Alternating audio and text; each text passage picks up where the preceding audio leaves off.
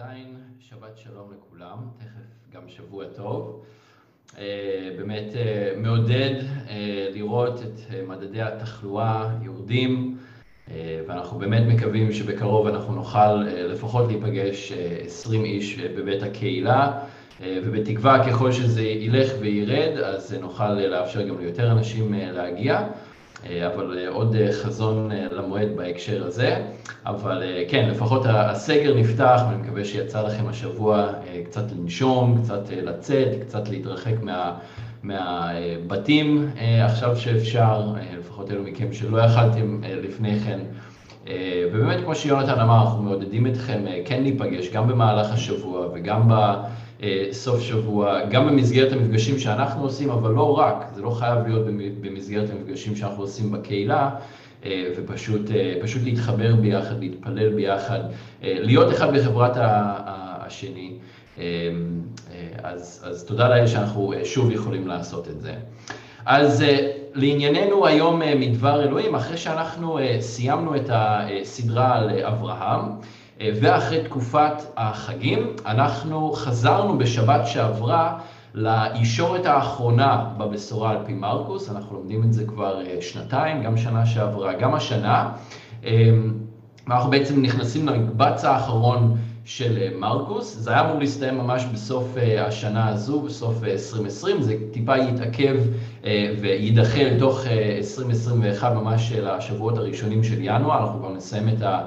אה, את הבשורה, אה, בגלל העניינים שהיו עם הקורונה, ולימדנו קצת על דברים אחרים, כי הרגשנו שזה היה אה, נכון לאותה עת.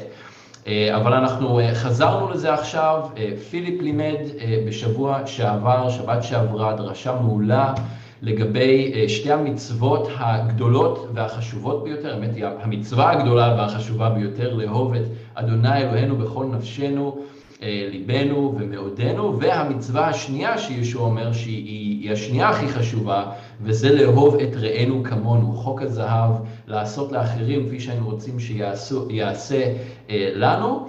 אמ, ואת הלימוד הזה אנחנו שמענו, קיבלנו מישוע בהקשר רחב יותר, אה, שהוא בעצם עונה לסופר אחד ששאל את ישוע מהי המצווה הגדולה ביותר.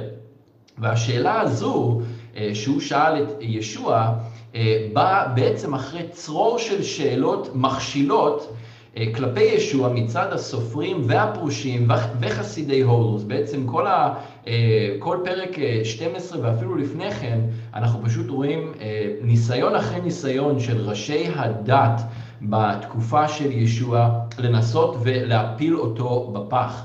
כתוב בפסוק 13, אה, בפרק 12, אה, בפרק שלנו, שהם ניסו ללכוד אותו בדברו. זה, זאת הייתה המטרה שלהם, לתפוס אותו במילה, לתפוס אותו אה, במילים שלו ולנסות וללכוד אותו בדברו.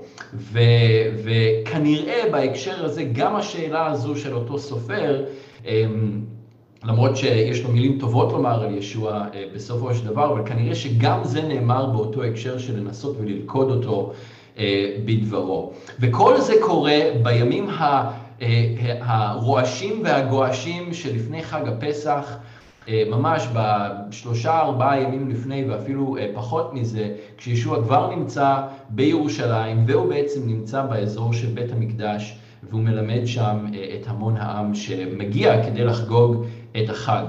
אז אחרי שישוע סיים להשיב בהצלחה על הניסיונות ללכוד אותו במילותיו. כתוב בפסוק 34 במרקוס אה, י"ב, זה אה, איפה שאנחנו נמצאים היום, היום אנחנו נהיה ב-35 עד 44, אה, אבל סוף הקטע הקודם, פסוק 34, נכתב שאיש לא העז עוד לשאול אותו שום דבר. אז אחרי כל הצרור הזה של השאלות והניסיונות ללכוד את ישוע במילותיו, הם הבינו שהם לא יצליחו להפיל אותו בפח אה, בדרך הזו, הם לא יצליחו למצוא בו רבב, בגלל שלא היה בו רבב. אה, אבל הם כנראה מבינים שזאת לא הדרך ללכוד את ישוע, הם צריכים לנסות אה, משהו אחר. אבל מה שאנחנו כן נראה עכשיו, אנחנו נראה שינוי טון מצידו של ישוע. הוא משנה את הטון שלו כלפי ראשי הדת הפרושים, הסופרים או הצדוקים וחסידי בית הורס, בעצם כל מי שהיה שם, והוא עכשיו מוצא בהם רבב, הוא מדגיש ומצביע על מה לא בסדר אצלהם, בדרך הלימוד שלהם ובהתנהגות שלהם ובמעשים שלהם, שהם צבועים ושהם נוגדים בדיוק את דבר אלוהים. אז אנחנו יכולים אה, לפנות יחד, אם עוד לא פניתם לשם, למרקוס פרק י"ב, אמ, פסוק 35, ואנחנו נקרא עד סוף הפרק, שזה בעצם פסוק 44. אה, כשלימד ישוע בבית המקדש, אמר, כיצד זה אומרים הסופרים שהמשיח הוא בן דוד? הלא דוד עצמו אמר בהשראת רוח הקודש, נאום אדוני לאדוני, שב לימיני, עד אשית אויביך הדום לרגליך. דוד עצמו קורא לו אדון, ואיך הוא בנו. ההמון הרב שמע אותו ברצון, ובלמדו אותם אמר, היזהרו מן הסופרים, האוהבים להתהלך לבושי גלימות, ואוהבים ברכות שלום בשווקים, ומושב, ומושבים ראשונים בבתי הכנסת, ומקומות נכבדים בסעודות. הבולעים את בתי האלמנות ומעריכים להתפלל למראית עין. דינם של אלה יהיה חמור יותר.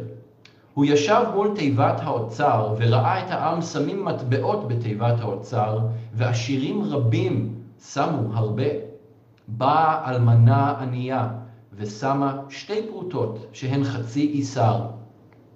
קרא לתלמידיו ואמר להם, אמן אומר אני לכם, האלמנה הענייה הזאת שמה יותר מכל אלה ששמו בתיבת האוצר, כי הכל נתנו מן העודף שלהם, אך היא ממחסורה נתנה את כל אשר היה לה, את כל מחייתה. בואו ניקח אה, רגע להתפלל. אדון, אנחנו אה, מודים לך על דברך.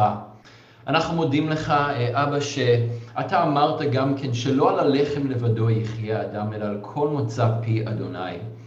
אדון, אתה אמרת שמי שרעב, מי שצמא, יבוא אליך ולא יצמא שוב לעולם, ולא ירעב שוב לעולם. אז אדון, אנחנו רוצים עוד אה, שבוע, עוד שבת, לבוא לפניך, לבוא אל דברך, אדון, ולקבל את המזון הרוחני שאנחנו כל כך זקוקים לו. שאנחנו זקוקים לו כדי להמשיך ולגדול, כדי להמשיך ולהתחזק, כדי להמשיך ולהפוך להיות האנשים שאתה ייעדת וקראת אותנו להיות. אדון, אנחנו מודים לך שאתה בראת אותנו בצלמך וכדמותך, שאנחנו בניך ובנותיך, שאתה אוהב אותנו, שאתה הושעת אותנו, שאתה נתת את עצמך בעדנו, כדי שאנחנו נדע אותך ונכיר אותך. אדון, אנחנו מתפללים שתמשיך לעשות בנו היום את הפעולה הטובה שאתה התחלת. אדון, אני מתפלל בשביל כל אחד ששומע, אדון, שאתה תפעל בהם בדיוק את הפעולה שאתה חפץ לעשות בחיים שלהם. אדון, תן לכולנו אוזניים לשמוע את מה שאתה רוצה לומר. תן לנו, אדון, לב רך שיכול לקבל את מה שאתה אומר, ותן לנו את הכוח ואת היכולת בגבורת רוח הקודש להשתנות, אדון, אל האנשים שייעדת אותנו אה, אכן להיות. אנחנו מודים לך, אבא, מקדישים לך את הזמן הזה, מבקש, אבא, שאתה תהיה איתי גם, שתיתן לי את המילים שלך, תעזור לי, אדון, להעביר וללמד את דברך בבהירות אה, ובדרך שמכבדת אותך, בשם ישוע המשיח. וכולם אמרו, אמן. יפה, שמעתי, למרות שאתם על השתי.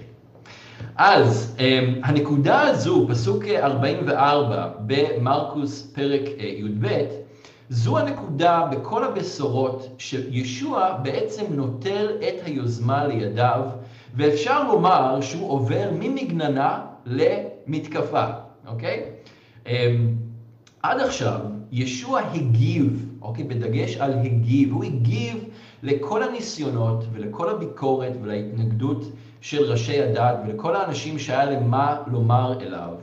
ואפילו כשהוא דיבר עליהם, אפילו אה, בפרקים ממש האחרונים אה, אה, שלמדנו, אז הוא עשה את זה במשלים, הוא לא דיבר עליהם ממש בצורה הכי ישירה שאפשר, הוא עשה את זה במשלים, למדנו את משל בעל הכרם והחוכרים בתחילת פרק י"ב, במתי פרק כ"ב יש את משל המלך שערך את החתונה, אה, שגם שם הוא מתייחס לראשי הדת. אז, אז גם כשהוא כן דיבר עליהם, זה היה בדרך, לרוב בדרך של אה, משלים. אבל עכשיו, ישוע הוא זה שבא ומציג בפני ראשי הדת אתגר משלו, קושייה משלו, בנוגע לאיך שהם מבינים את דבר אלוהים. וספציפית גם בקשר לזהות ולתפקיד של המשיח. והוא בא והוא שואל אותם בפסוק 35, כיצד זה אומרים הסופרים שהמשיח הוא בן דוד? איך זה שהסופרים אומרים שהמשיח הוא בן דוד? והוא מפנה אותם לדבריו של דוד בעצמו. דוד המלך, דברים שנכתבו בהשראת רוח הקודש, במזמור ק"י, מזמור 110, פסוק אחד. שם כתוב, וישוע מצטט משם, לדוד מזמור, נאום אדוני לאדוני, שב לימיני עד אשית אויביך הדום לרגליך. עכשיו, בתקופה של ישוע, כמו גם בספרות חז"ל, לפחות עד תקופה מסוימת, עד מועד מסוים, ראשי הדת האמינו, כולם ביחד, זה היה מין קונצנזוס, שזה מזמור שנכתב על ידי דוד, אין שאלה לגבי מי כתב את המזמור הזה, וזה נכתב בהשראת רוח הקודש, וזה מזמור משיחי, כלומר זה מזמור שמתייחס למשיח, אוקיי? ובפתח המזמור הזה, מזמור 110, דוד מדבר על שני אדונים, אם אתם מסתכלים uh, על הטקסט, um, אז אתם יכולים לראות, דוד מדבר על שני אדונים. יש את האדון הראשון, מזמור, uh, לדוד מזמור, נאום אדוני, י"ה ו"ה, השם המפורש של uh, אלוהים, זה האדון הראשון שדוד מתייחס אליו, ואולי וכנראה גם הפירושים שלו, זה האדון היחיד שהוא מתייחס אליו, אדוני אלוהים. אבל יש פה עוד אדון שדוד מתייחס אליו, כי הוא אומר נאום אדוני י"ה ו"ה, אדוני אלוהים, לאדוני, לאדון שלי. יש כאן עוד דמות בקטע הזה, במזמור הזה, שדוד מכנה אותו אדוני, האדון שלי. והאדון הזה הוא מישהו שאדוני אלוהים, י"ה ו"ה, מזמין את אותו אדון של דוד לבוא ולשבת לימינו. בתקופה הקדומה, כשמלך היה מזמין מלך אחר לביקור מלכותי, הוא היה מושיב אותו לימינו. זה היה מקום מאוד מאוד מיוחד שהיה שמור רק לאנשים מאוד מאוד מיוחדים. ומי שישב לימין המלך בעצם היה שווה למלך בעצמו. זה היה מעמד שהיה שווה למלך. אפשר לראות דוגמה של זה במלכים א', פרק ב', פסוק 19, עם המלך שלמה ובת שבע, אימא שלו, כשהוא מזמין אותה ומושיב אותה לימינו, וכשהוא עושה את זה, הוא בעצם נותן לה לדבר איתה בגובה העיניים. הוא בעצם אומר, אנחנו שווים, את יכולה לדבר איתי בגובה העיניים. אז אותו אדון שני, לא אדוני אלוהים, אלא האדון האחר הזה שדוד מתייחס אליו, שהוא קורא לו אדוני, הוא שווה במעמדו לאדוני אלוהים. האדון השני הזה הוא ללא ספק המשיח, הוא בנו או צאצאו של אה, דוד, אבל הוא גם גדול מדוד, מפני שהוא שווה לאלוהים. והוא בעצמו מלך שירדה בקרב אויביו, הוא ימחץ מלכים ביד ימינו ויקיים משפט בקרב הגויים, כמו שגם מתואר בהמשך מזמור אה, ק"י, אתם יכולים להמשיך ולקרוא אה, אחר כך. ובנוסף לזה, אותו אדון שדוד מתאר ומדבר אליו כאן, בסוף גם מתואר ככהן. כתוב אה, בהמשך מזמור ק"י, נשבע אדוני י"ה ו"ה, ולא ינחם, אתה, אותו אדון, כהן לעולם על דיברתי מלכי צדק. אנחנו למדנו um, את הפסוקים האלה, או קצת uh, לפחות לגביהם אז, כשלמדנו על אברהם בתחילת הסיפור של אברהם, שהוא פוגש את מלכי צדק. Uh, כשהוא חוזר מהמלחמה, הוא בעצם נותן לו מעשר מכל השלל, או הוא נותן לו מעשר בעצם מכל מה שיש לו. עכשיו, כהן חייב להיות גם אדם. אין כהן שהוא אלוהים, או רק אלוהים, כהן חייב להיות אדם. אז יש כאן את המשיח, שהוא מלך ששווה לאלוהים במעמדו, כלומר הוא אלוהים בעצמו, ויחד עם זאת הוא גם אדם ילוד אישה שיכול לשרת ככהן. הוא צאצא של דוד, הרי הוא המשיח והוא יבוא מהזרע של דוד, מהשושלת של דוד, ויחד עם זאת הוא גם גדול מדוד. ולכן דוד קורא לו אדוני, האדון שלי. ובדיוק על הנקודה הזו ישוע מאתגר את אותם ראשי הדת בנוגע ללימוד שלהם. כשהוא שואל אותם בפסוק 37 במרקוס י"ב, כיצד זה אומרים הסופרים שהמשיח הוא בן דוד, או במילים אחרות, איך יכול להיות שהמשיח ייקרא אדוני על ידי דוד אם הוא רק צאצא או בן של דוד? איך יכול להיות שהוא יקרא לו אדון אם הוא רק הצאצא הפיזי שלו? הרי הצאצא מכבד את אבותיו וקורא להם אדון, לא להפך. תחשבו על ההורים שלכם, על הסבים ועל הסבתות שלכם, על הסבא או סבתא רבא. הרי אתם הייתם באים ומכבדים אותם, לא הם היו מכבדים אתכם וקוראים לכם בשמות נכבדים, אלא להפך.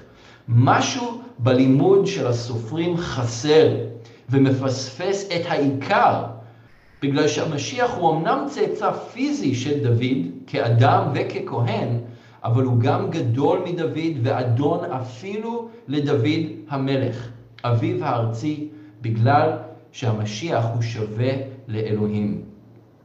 הרבה פעמים אנחנו חושבים, אה, נוטים לחשוב במונחים של זה או זה, שחור או לבן, אחד או שתיים, אפס או אחד, אה, ככה או ככה, אבל לא בשני הדברים ביחד.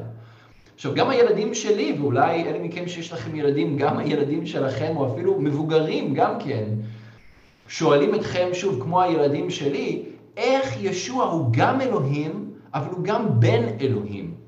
עכשיו, השילוב המדהים הזה, שהמשיח הוא גם לא האלוהים, אבל הוא גם לא אדם, הוא גם אלוהים, אבל הוא גם בן אלוהים, למעשה אפשרי רק דרך הלידה העל-טבעית של ישוע, דרך מרים בגבורת רוח הקודש. ורק אלוהים בחוכמתו הנשגבת מדעת וברחמיו האינסופיים כלפינו, היה יכול לעשות דבר כל כך נפלא.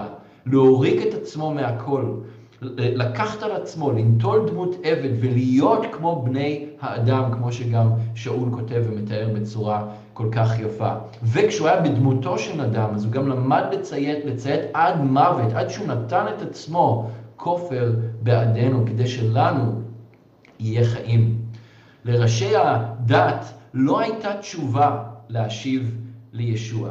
עכשיו, נזכור גם שאלו היו ימים שבהם הייתה ציפייה מאוד גדולה למשיח שיגיע, מכל מיני בחינות. אנשים חיכו וציפו שהמשיח יבוא, זה היה ממש משהו מוחשי שיכלו להרגיש, ורואים גם רמזים לזה בבשורות עם נתנאל, שבאו וצהלו ואמרו, מצאנו את המשיח, זאת הייתה ממש ציפייה שהייתה קיימת בתוך העם.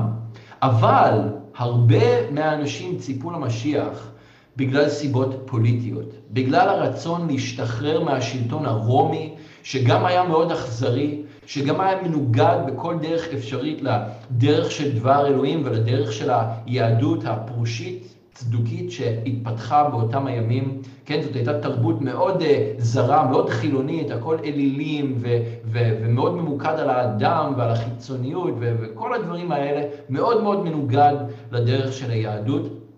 וראשי הדת רצו להעיף את השלטון הרומי הזה, הם כבר חיכו למשיח שיבוא, שיבוא ויעשה, האמת היא את מה שכתוב שהוא יעשה בהמשך מזמור ק"י, מזמור 110, אה, פסוקים 5 עד 7, כתוב, אדוני על ימיניך מחץ ביום אפו מלכים. אותו אדון יבוא, ועם יד ימין שלו ימחץ ביום אפו, ביום הזה של חרון אדוני, הוא ימחץ מלכים. ידין בגויים מלא גוויות, הוא ייצור מלא גוויות בתוך הגויים.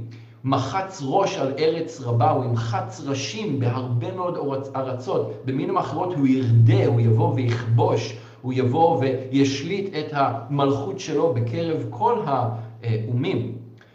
אמ, פסוק שבע, מונחל, אה, מנחל בדרך ישתה על כן אה, ירים ראש. וגם כמובן בהרבה מאוד מקומות אחרים בכתובים, רואים את התכונות האלה של המשיח.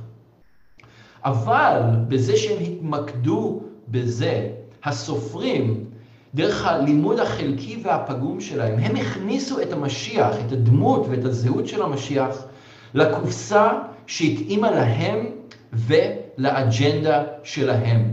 הם לקחו את מי שהמשיח היה אמור להיות, והם התאימו אותו למה שהם רצו. אגב, הם, הם כמובן גם לא רצו סתם ש, שהמשיח יבוא וישחרר אותם מהשלטון הרומי, כי הם חשבו שכשהמשיח יבוא וישחרר אותם מהשלטון הרומי, אז מי ייקח את המקום שלהם? מי אם לא הם? הם יהיו עכשיו אלה ששולטים ביחד אולי עם המשיח, אבל הם אלה שהצדיקים שעכשיו יתפסו את המקום הזה של השלטון. הנשיא של ארצות הברית שהתנגשו בחייו, אה, אברהם אה, לינקולן, אברהם לינקולן, אמר, אני לא דואג שאלוהים בצד שלי, אלא שאני בצד של אלוהים. וזה משהו שאנחנו רואים לאורך ההיסטוריה. תמיד אנשים דאגו להגיד, אלוהים בצד שלי. אבל הוא בא ואמר משהו אחר, הוא אמר, אני צריך לדאוג להיות שאני בצד של אלוהים. וראשי הדת ניסו לדאוג שאלוהים יהיה בצד שלהם, שהמשיח יהיה בצד שלהם, שאלוהים והמשיח יצודדו בהם ו- ויתאימו את עצמם לאג'נדה שלהם. הם לא התיישרו עם אלוהים ועם דברו, אלא הם ניסו ליישר את דבר אלוהים אליהם, לצרכים האישיים שלהם. ובכך הם טעו בעצמם, והם גם הטעו את כל העם שהלך אחריהם.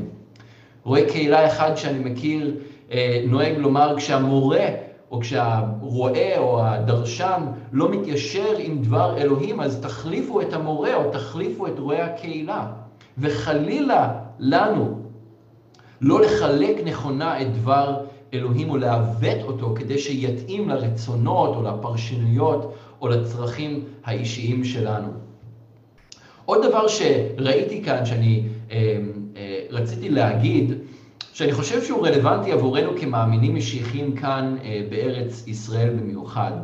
התחושה שלי, אני לא חושב שאני טועה בזה, היא שרוב הזמן אנחנו בתור מאמינים בישוע, מאמינים משיחיים בישוע, אנחנו מרגישים רוב הזמן שאנחנו במין מצב כזה של מגננה לגבי האמונה שלנו.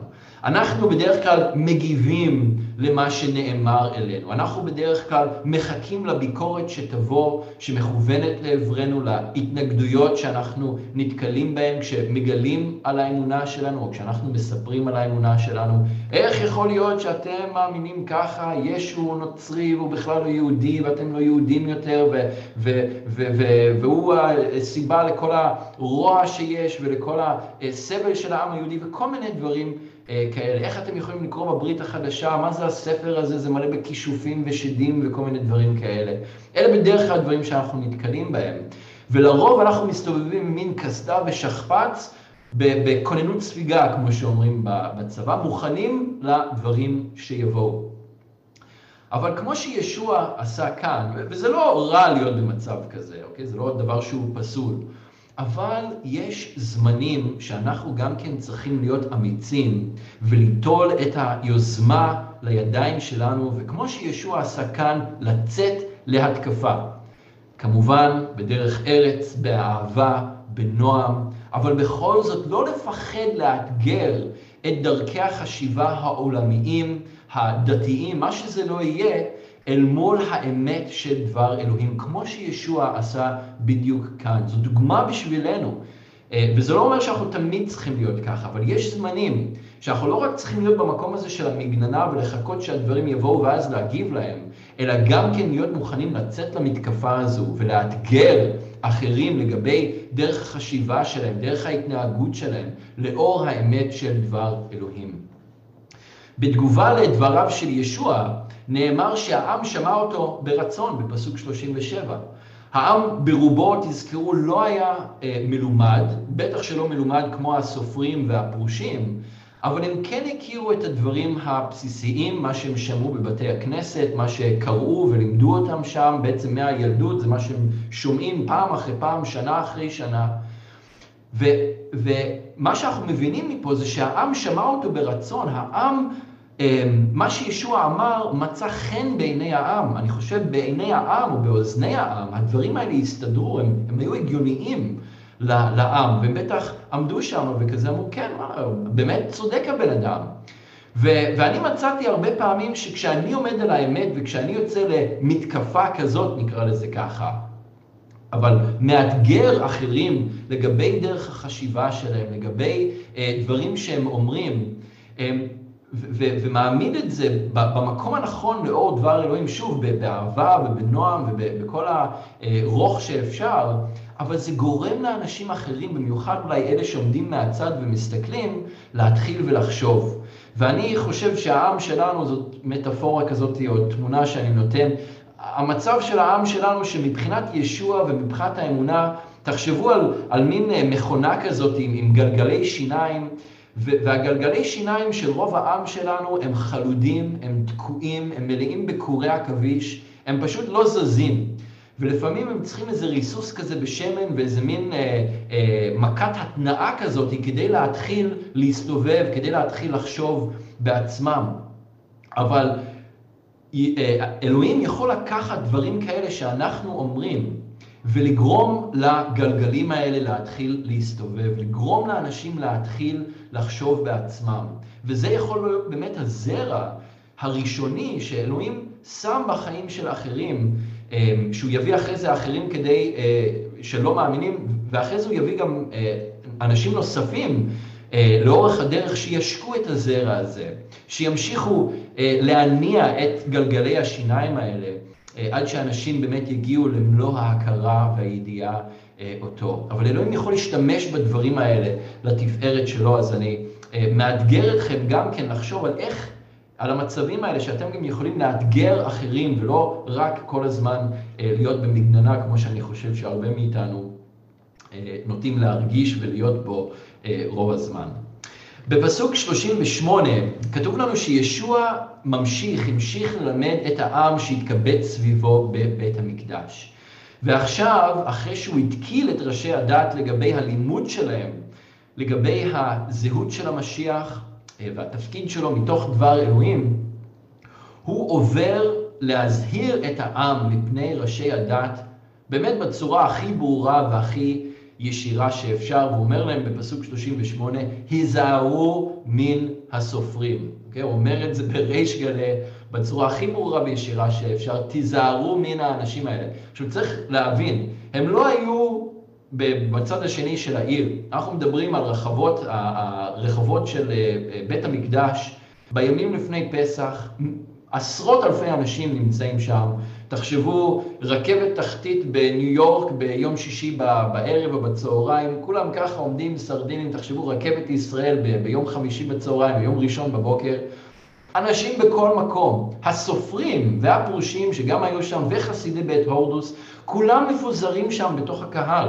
יכול להיות שחלקם עומדים בקבוצות במקומות מסוימים, ואנשים מקשיבים לו, יש לו קהל עצום ששומע אותו אל מולו, ששומע את הדברים האלה, והוא אומר ככה באמצע בית המקדש, היזהרו מן הסופרים. בצעד אמיץ ויוצא דופן בהחלט, ישוע מתחיל לחשוף את הצביעות ואת השחיתות של הסופרים ושל הפרושים, בעצם של מנהיגי הדת, כפי שהוא לא עשה עד עכשיו. ו, וכמו שאנחנו יודעים, אז הפרושים והצדוקים, הם היו המנהיגים הדתיים של העם, הם היו המורים, הם היו הרועים של העם כולו. הפרשנות המעוותת שלהם לדבר אלוהים, וזה שהם התאימו את דבר אלוהים לאג'נדה שלהם, לא רק בעניין של המשיח, בכל מיני תחומים אחרים, אה, הובילו בין היתר לכל מעשי הצביעות ולשחיתות המוסרית הקשים שהם הראו בהתנהגות שלהם. וזה מה שקורה, זה הפרי וזה הפועל היוצא של מה שקורה כשמתאימים את אלוהים ואת דבר אלוהים לרצונות שלנו, במקום לאפשר לאלוהים ולדברו לעצב אותנו אליו. כשאנחנו מנסים להכניס אותו לקופסה שלנו, זה מה שיוצא, עיוות ושחיתות וצביעות וכל מיני דברים כאלה. מה שאדם מאמין משפיע על הדרך שבה הוא נוהג, והדרך שבה אדם נוהג משפיע בסופו של דבר גם על מה שהוא מאמין. אז ישוע מזהיר את העם לא להיות כמו הסופרים שהיו גאוותנים וצבועים וחמדנים, שחיפשו כבוד לעצמם במקום לתת כבוד לאלוהים שהם לכאורה שירתו. עכשיו, כאן יש ממש תמצית של שישה מהדברים האלה, נסביר אותם אה, תכף, אבל בבשורת מתי, פרק כ"ג, יש את שבעת האזהרות שישוע אומר, כל שבעת האזהרות בפרק כ"ג מתחילים, מתחילות באותה צורה, אוי לכם סופרים ופרושים צבועים. אוי לכם, אוי לכם, אוי לכם, ככה הוא שבע פעמים, אוי לכם פרושים וצבועים, סופרים ופרושים צבועים, והוא ממש נכנס שם לפרטים עוד יותר, כאן שוב מרקוס מתמצת את הדברים. אמ, אבל, אבל זה נותן הרבה יותר פרטים לגבי אה, מה אה, בדיוק ישוע מאשים אותם ומה הוא אומר לגביהם. ומה הוא באמת אומר לגביהם, מה היו ההתנהגויות האלו, חלק מהם לפחות, שישוע כל כך כעס עליהם וכל כך הזהיר את האנשים מפניהם. אז פה יש שישה דברים. אה, הדבר הראשון, הוא בא ואומר שהסופרים והפרושים שהיו שם ביחד גם כן, הם אה, אוהבים להתהלך לבושי גלימות. ורק, שוב, צריך לעבור על הרשימה הזאת עכשיו, ואפשר לראות בדיוק את אותם דברים קורים היום, בימינו, בשנת 2020, לא הרבה השתנה מאז לפני אלפיים שנה. אוהבים להתהלך לבושי גלימות. הגאווה שהייתה לאנשים האלה כשהם הלכו בגלימות לבנות, צחות כאלה, יפות, ארוכות ושופעות, עם הציציות מחוברות לארבע כנפי הבגד, הגיעו ממש עד לרצפה. מושכים את העין של כולם, משדרים את המסר שזה איש צדיק, שכמו שכלה לובשת לבן ביום החתונה שלה כדי להראות את התואר שלה ואת המוכנות שלה לנישואין, אז ככה לובשים את הלבן כדי להראות את ה... כמה שהם זכים וטהורים, אגב, כמו שגם עושים בדרך כלל ביום כיפור פה בארץ. בגלל זה לובשים, לובשים לבן כדי להראות שזה כאילו היום של המחילה ועכשיו אנחנו אה, אה, נקיים מכל חטא ומכל עוולה. ככה הם היו הולכים באמצע השווקים, באמצע הרחובות עם הגלימות הלבנות, להראות כמה, שה, כמה שאני צדיק, כמה שאני בן אדם טוב וישר ואיש אלוהים. הם אהבו את ברכות השלום בשווקים, העונג בלהיקרא רב, אדון, אב, רבי, אדוני, אבי. זה שמלומד, זה שמשכיל, זה שקרוב לאלוהים יותר מאשר שאר העם. למרות שישוע אמר שלא תקראו לאף אדם רב ולא תקראו לאף אדם אה, אה, אב או אבא, לא בהקשר של אבא ארצי כמובן, אבל, אה, אבל בהקשר הזה של לא, לא לקחת לשים אנשים אחרים מעליך, כן? אבל הם אהבו שבירכו אותם לשלום בשווקים, בתוך הגלימות הלבנות שלהם. רבי, רבי, אבי, אבי, אדוני, אדוני. הם אהבו גם את המושבים הראשונים בבתי הכנסת. המושבים האלה היו המושבים הכי קרובים למגילות התורה בתוך בתי הכנסת, ממש אה, לא רק מקדימה, אבל אמ, רוב בתי הכנסת הרי היו מסודרים בצורת אה, חטא כזאת, כשהבימה נמצאת באמצע וכולם פנו לכיוון הבימה שהייתה באמצע. המושבים האלה לא רק היו המושבים בשורה הראשונה של החטא שפנתה לכיוון הבימה, הם היו ממש בבימה עצמה, והם פנו חזרה לכיוון הקהל.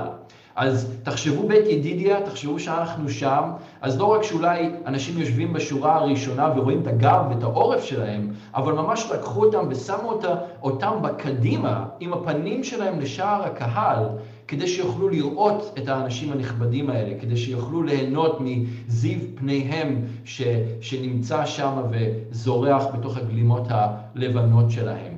אלה המקומות שאותם ראשי דת אהבו וציפו לקבל, המקומות הכי טובים בבתי הכנסת, אלה מקדימה שפונים וצופים לכל שער הקהל. הם גם אהבו את המקומות הנכבדים בסעודות. זה מזכיר את, ה, אה, את מה שלמדנו אז עם אה, בני זבדאי, שביקשו מישוע לשבת לימינו ולשמאלו, כי אלה היו מקומות הכבוד בכל אירוע חגיגי. והם ביקשו ממנו, כשתיכנס לתוך מלכותך, תן לנו לשבת לימינך ולשמאלך. ואז בכל חתונה, בכל בר מצווה או בת מצווה, בכל אירוע מיוחד שהיה מתקיים, לשבת לימין ולשמאל של בעל השמחה או של המארח היו מקומות מכובדים, מקומות ששמורים לאנשים אה, מיוחדים במיוחד. והם ציפו לקבל את המקומות האלה, הם אהבו את המקומות הנכבדים בסעודות. אמ, אה, שוב, עוד מקום להיראות כמה הם חשובים וכמה הם מיוחדים וכמה הם מעל כל שאר העם. הדבר החמישי, הם בולעים את בתי האלמנות. כמו שהיום רב אמור לחתן זוג או לקבע מזוזה או איזה שירות דת שזה לא יהיה, ללא תמורה כספית, הסופרים והפרושים של אז היו אמורים לבצע את שירותיהם גם כן ללא תמורה. אממה, אז, כמו היום, המערכת הייתה שבורה ומעוותת ומלאה בשחיתות. כשדבר אלוהים שם כל כך הרבה דגש על החסד שצריך להראות כלפי אלמנות, ולא רק אלמנות, אבל גם יתומים וקבוצות אחרות של אנשים שהם אולי בשוליים של החברה, בטח שאז אה, אה, וגם כן אה, היום, דווקא הם הפכו לקהל המטרה של אותם ראשי הדת. הם היו הטרף הקל שניתן היה להתעלק עליהם ולהוציא מהם כל שווי כספי אפשרי, תרומות, כסף, אפילו את הבתים שלהם, הם היו בולעים את בתי האלמנות. תנו, תתרמו את הבתים שלכם לי, לעבודת השירות, לעבודת האלוהים. והכל בשמו של אלוהים והכל בשם של העשייה הרוחנית שלהם.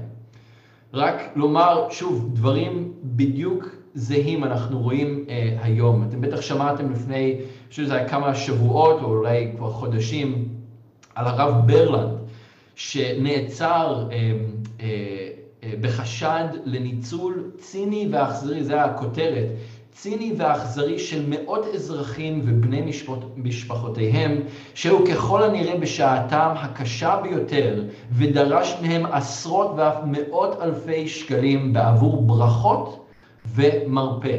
כאשר הנחה אותם להימנע, להימנע מטיפול רפואי מציל חיים, ובמקום זאת נתן להם תרופות פלא בדמות מנטוס. אם אתם זוכרים את הפרשה הגדולה שהייתה אה, והתפוצצה, זה בדיוק אותו הדבר, מתעלקים על החלשים, מתעלקים על האנשים שנמצאים בצורך, ופשוט שותים מהם ואוכלים מהם את כל מה שיש להם.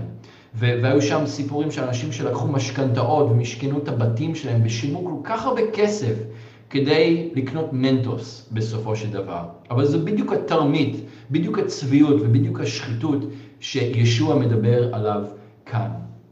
והדבר האחרון שהם היו מעריכים להתפלל למראית עין. איזו דרך טובה יותר להרשים ולחזק את הפאסון של איש אלוהים מאשר דרך תפילות ופיוטים ארוכים לעיני כולם. תראו כמה שאני מתפלל בצורה נפלאה, תראו כמה אני זוכר פסוקים בעל פה, תראו כמה אני מצוטט מהמקורות.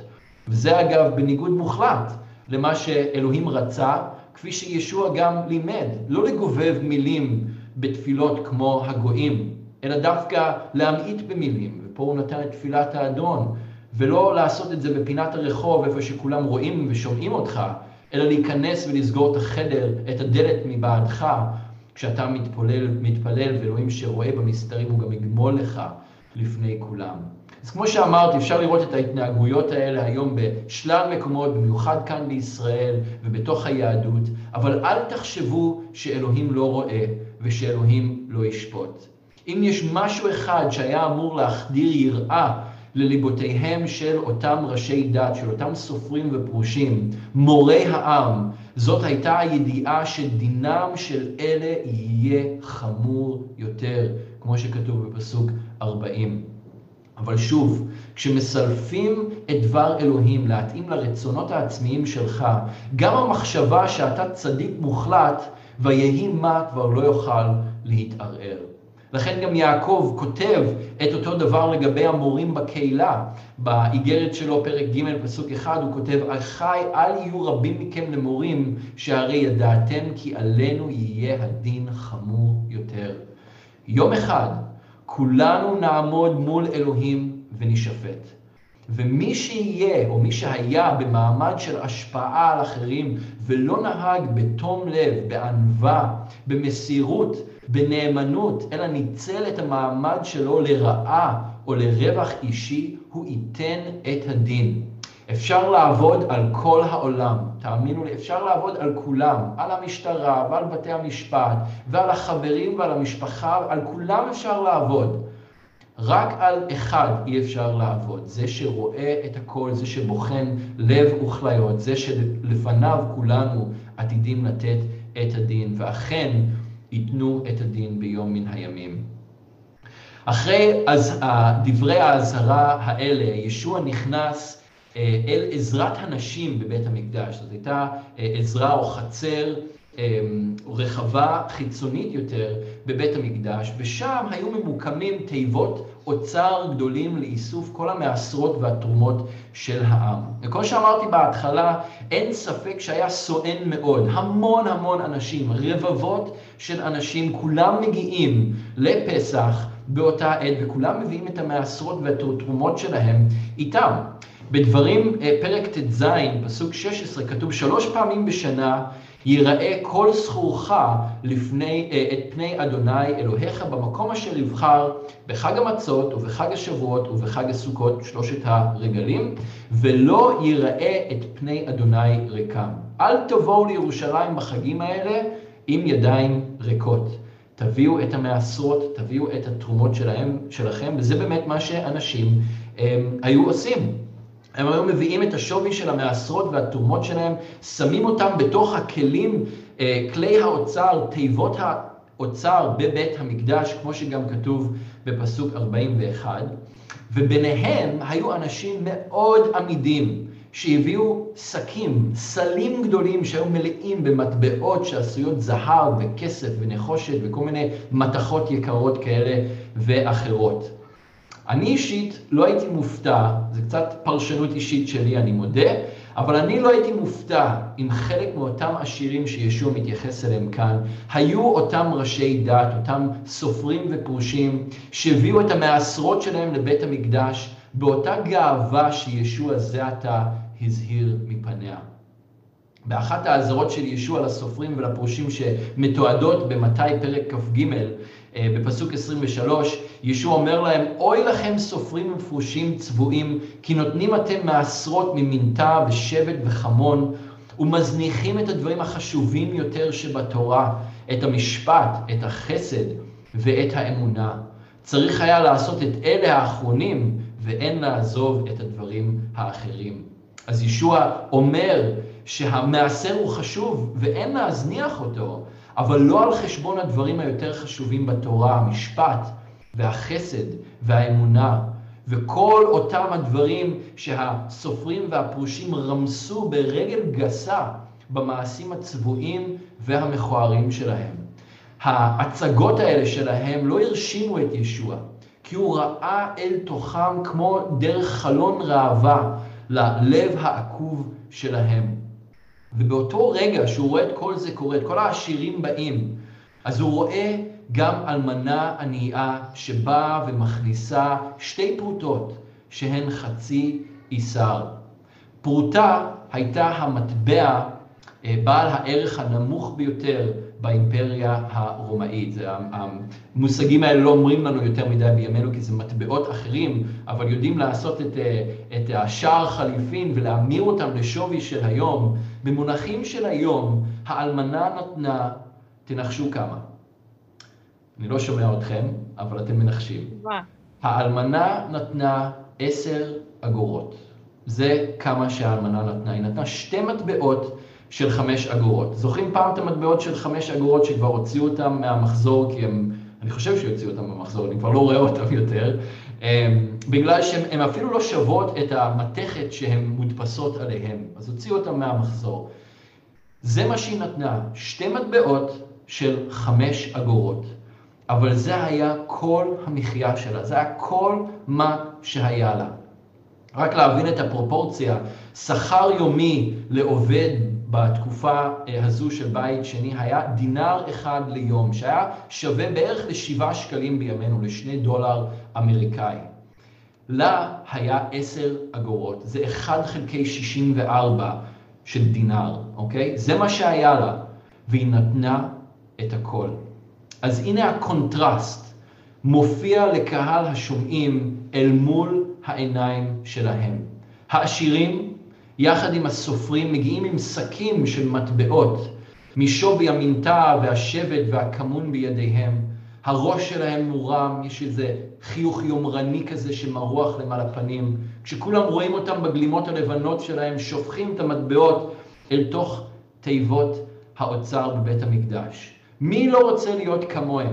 מי לא רוצה להיות במקומם? כאלה יראי שמיים ויחד עם זאת מוצלחים ועשירים, זכים וטהורים וקדושים. אבל ביניהם מגיע אלמנה ענייה, שאף אחד לא רואה ואף אחד לא שם לב אליה, מלבד ישוע. היא שמה רק עשר אגורות, זה כל מה שיש לה, שתי פרוטות. אבל כמו שישוע אומר, היא למעשה שמה יותר מכל אחד אחר, כי היא לא נתנה מהעודף שלה או מהשפע שלה, אלא היא נתנה מהמחסור שלה וממה שלא היה לה. אחים ואחיות, אלוהים לא באמת מעוניין בזבחים, בכסף או בזהב. לאלוהים יש כבר את כל הכסף ואת כל הזהב, הוא לא צריך שאנחנו נתרום לו. כתוב גם שלי כל חייתו יער, בהמות בהררי א', כל חיות היער, הבהמות על אלף הרים, הכל שייך לו, הוא לא צריך שאנחנו ניתן לו משהו מעצמנו, הרי מה שיש לנו הוא בכל מקרה נתן לנו מלכתחילה. אבל הוא כן מעוניין במשהו הרבה יותר יקר ערך בעיניו, וזה הלב שלנו. אני חושב, זה לא כתוב לנו בשום מקום, אבל אני חושב שאותה אלמנה הייתה אשת אמונה שאהבה את אלוהים בכל מאודה. לפי התיאור, אישה אלמנה, ענייה, בלי כסף, כנראה החיים שלה היו מאוד קשים, מאוד מאוד לא פשוטים. אז לא היה קצבת זקנה ולא היה ביטוח לאומי ולא היה שום דבר. אבל כדי לתת את מה שהיא נתנה, את כל מחייתה במצב שהיא הייתה בו, אתה חייב לעשות את זה מתוך אהבה ואמונה עזה וכנה לאלוהים מכל הלב, אחרת אתה פשוט לא עושה את זה. אתה לא עושה את זה כי אתה חושב שצריך, אתה עושה את זה כי אתה רוצה, אתה עושה את זה כי אתה חפץ. במזמור נ"א, 51, פסוקים 18 עד 19, כתוב, כי לא תחפוץ זבח ואתנה, עולה לא תרצה, זבחי אלוהים, רוח נשברה, לב נשבר ונתקע, אלוהים לא תבזה. האזהרות האלה של ישוע לפרושים, האמת היא לעם לגבי הסופרים והפרושים, ממשיכות להדהד ולהיות נכונות בשבילנו גם כן היום, כי לב האדם לא השתנה, לא הרבה השתנה, אין חדש תחת השמש. ואומנם אנחנו עדים להרבה מהתופעות האלה שקורות סביבנו היום, גם בארץ וגם בעולם. האתגר שלנו זה לא לשפוט כלפי חוץ, לא לשפוט ולראות את מה שקורה מסביב, כן להיות ערניים לדברים האלה ולא ליפול לתוך מלכודות, זה ברור. אבל האתגר שלנו הוא להביט פנימה ולשאול את עצמנו ולשאול את אלוהים, האם יש משהו מהדברים האלה, אפילו חלק מהם, בנו?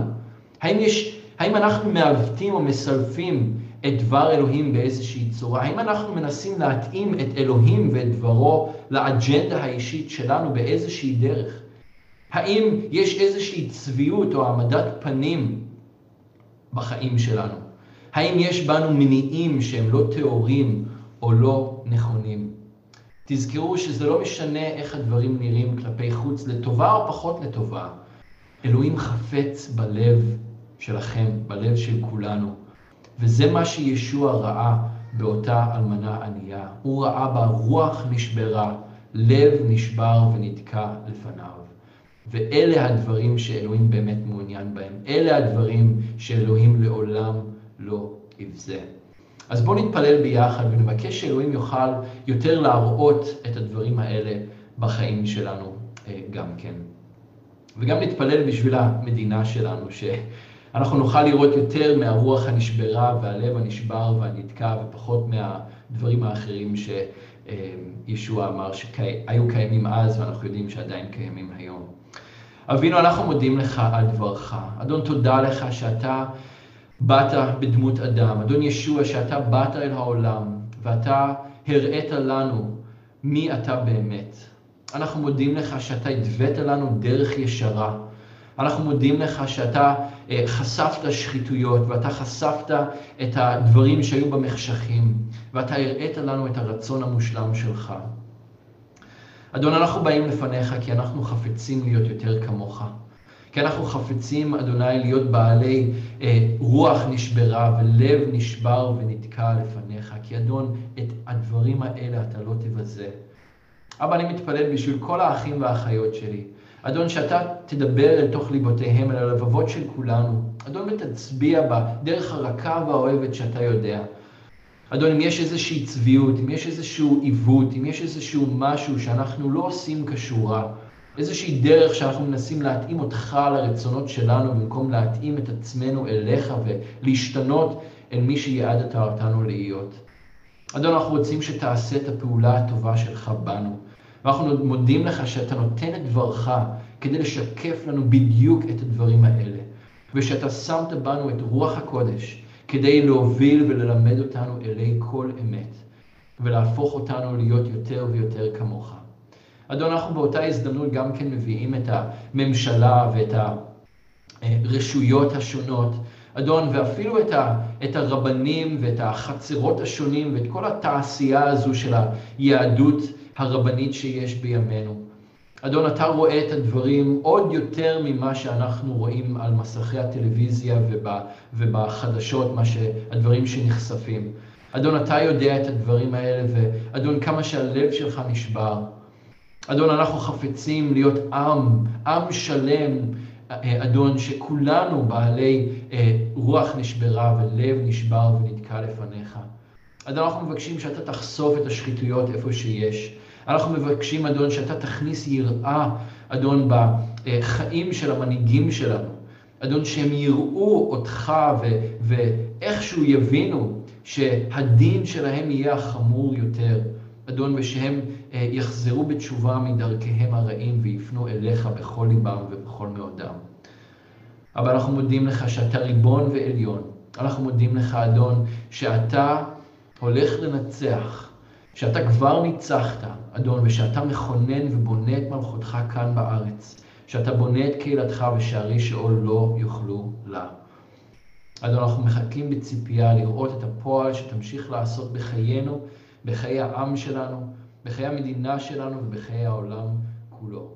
אנחנו נותנים לך את הכבוד והתפארת בשם ישוע.